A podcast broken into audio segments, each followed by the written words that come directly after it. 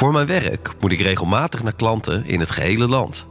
Nu was de auto in de garage voor een grote beurt en de garagehouder had niet gedacht aan een vervangende auto. Dus nam ik voor deze ene keer de trein. Ik had me ingesteld op een saaie treinreis, maar dat bleek totaal niet zo te zijn. Op het perron zocht ik de informatie op van mijn reisbestemming. Al snel had ik dit gevonden en spoedde me naar het aangegeven perron en dan plaats in de trein die snel zou vertrekken.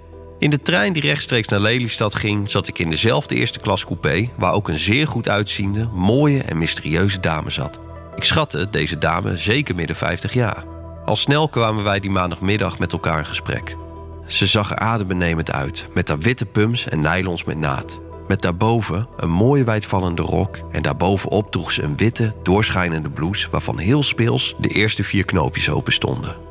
Ik was gelijk verkocht en vond het al lang best dat we met elkaar in gesprek waren. Dit gaf me de gelegenheid haar ongestoord goed te observeren. Ze vertelde me dat ze een weekend had doorgebracht bij een vriendin in Limburg en nu op weg was naar haar appartement in Lelystad. Uiteraard vertelde ik haar dat ik uit Gelderland kwam en ook naar Lelystad moest voor een zakelijke afspraak. Het was een zeer aangenaam gesprek over koetjes en kalfjes, met af en toe van haar kant een vrijmoedigheid die me versteld deed staan. Toen we in Lelystad aankwamen, maakte ze aanstalten met opstaan op hetzelfde moment als ik, waardoor mijn hoofd tegen haar borsten kwamen.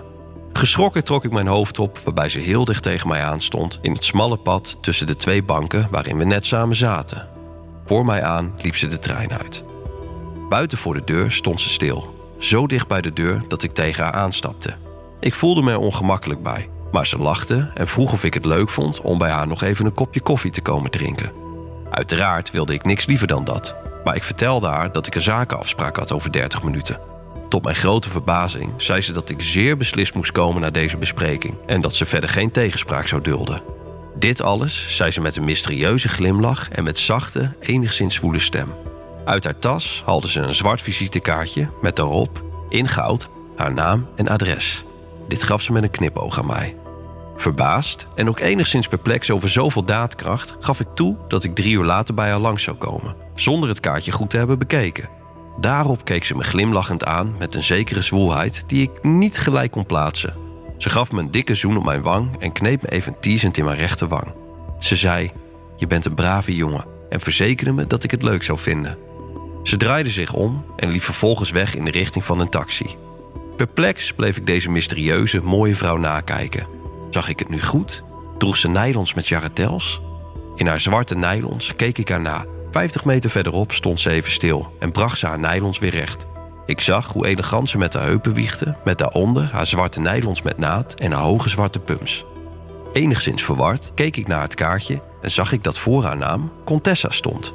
Ik keek op mijn horloge en spoedde me weg zonder verder haar kaartje te lezen. De verdere tijd bleef ik steeds denken aan die vreemde ontmoeting met deze Contessa. Direct na een uiterst succesvolle zakelijke bespreking ging ik op zoek naar haar adres en bekeek het kaartje nogmaals. Daarop stond Contessa, Mrs. E. Klapdoor, mental corrector. Verder stond haar adres en mobiele nummer erop. Geen website of e-mail. Nu wist ik nog niet wat ze precies deed. Ik had nog nooit van een mental corrector gehoord, maar veronderstelde dat ze wellicht van een adellijke komaf was en een universiteitsstudie had gevolgd, omdat ze zowel de titel Contessa als ook Mrs. voerde. Immers de titel zei me niets. Langzaam ontwaarde ik een vreemd gevoel in mijn lijf, en dan specifiek in mijn kruis. Iets zei me dat het misschien toch wel erg spannend zou kunnen worden. Ook haar woorden dat ik een brave jongen was en het zeker leuk zou vinden, kregen langzaam deels een erotische betekenis. Deels maakte dit me ook van slag. Ik was immers al lang geen kleine jongen meer, maar een volwassen vent van eind 30 die zijn verantwoordelijkheden kende. Gelukkig was het adres dicht bij het station en snel stond ik voor de flat waar ze woonde. Toen ik aanbelde bij haar appartement en mij via de intercom meldde, reageerde ze alsof dit voor haar de gewoonste zaak van de wereld was door te zeggen: Zo, ben je daar dan eindelijk? Ik maak de deur open. Kom maar met de lift naar de vijfde verdieping. Ik hoorde door de intercom haar hakken op de parketvloer van haar woning terwijl ze naar de voordeur van haar woning liep. Opgewonden en nerveus nam ik de lift en enige ogenblikken later stond ik voor haar deur.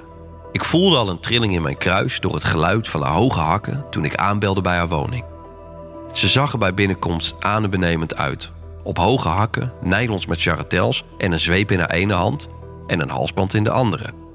Ik stond sprakeloos en confused in de deuropening, maar ook geil, wat me verbaasde van mezelf. Dit had ik nooit kunnen verwachten. En ik had ook nooit gedacht aan SM.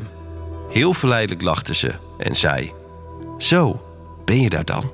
Alsof ze er al die tijd al zeker van was dat ik gewoon zou komen. Na binnenkomst in de gang moest ik direct op mijn knieën en moest ik haar voeten kussen. Waarna ze mijn halsband omdeed en me naar de huiskamer trok. Dit vond ik bizar en opwindend tegelijk. Daar moest ik me uitkleden terwijl ze me keurend gadesloeg. Daarna beveelde ze me naast haar te komen zitten op een minuscuul houten krukje en ze nam de halsband weer ter hand. Ik kreeg het commando van haar om koffie voor ons beiden in te schenken. Terwijl ik naakt naar de keuken liep, realiseerde ik me dat ik nog nooit in het huis was geweest en zeker niet in de keuken van deze mysterieuze dame. Die gedachte vond ik toch wel bizar, maar ook opwindend tegelijk. Daar liep ik dan, in een zwarte string, een halsband en in elke hand een kopje koffie in een vreemd huis bij een vreemde dame. Nadat de koffie op was, moest ik gaan staan en bond ze me in de huiskamer vast met kettingen aan het plafond en een spreidstang tussen mijn benen. Ik kreeg met de zweep en moest de klappen die ik van haar kreeg tellen. Uiteraard liep dit verkeerd af voor mij, want steeds maakte ik een fout en begon ze opnieuw. Ook krabde ze regelmatig over mijn rug, benen en lul. Of stond ze met haar heerlijke kont tegen mijn lul aan te rijden, terwijl ze zachtjes zei dat ik een geile slet was. Ze was constant aan het woord met een zachte en verbazend warme stem. Ik verkeerde in een trance door haar zachte erotische stem en ervaarde dit als een waar feest. Na verloop van tijd maakte ze me los, greep mijn gezwollen heer en trok me naar haar stoel. Daar kreeg ik de opdracht haar heerlijke borsten te kussen. En aangezien ik erg geil was geworden, duwde ik steeds mijn opgezwollen pik tegen haar nylon gestoken benen. Fantastisch! Ik kon het niet laten om steeds verder al kussend af te zakken naar haar heerlijke volle dijen, met daartussen een mooi kal gleufje. Deze ben ik toen zonder te vragen hartstochtelijk gaan likken. Hier mocht ik ook niet meer mee ophouden. En keer op keer kwam ze klaar, terwijl ze steeds geile taal uitsloeg. Heerlijk. Daarna moest ik het lage tafeltje leegmaken en alles naar de keuken brengen. Toen ik terugkwam, moest ik op het tafeltje gaan liggen en pijpte ze me heerlijk. Toen ik een paar keer bijna kwam, mocht ik eindelijk klaarkomen tegen haar been. Zittend op mijn knieën en nog steeds aan haar leiband. Daarna moest ik eerst opruimen en een vers kopje koffie voor haar maken. We hebben nog een tijdje zitten praten en ik ben weggegaan met de mededeling dat ik snel zou bellen als ze terug zou komen van haar vakantie in Toscane, Italië.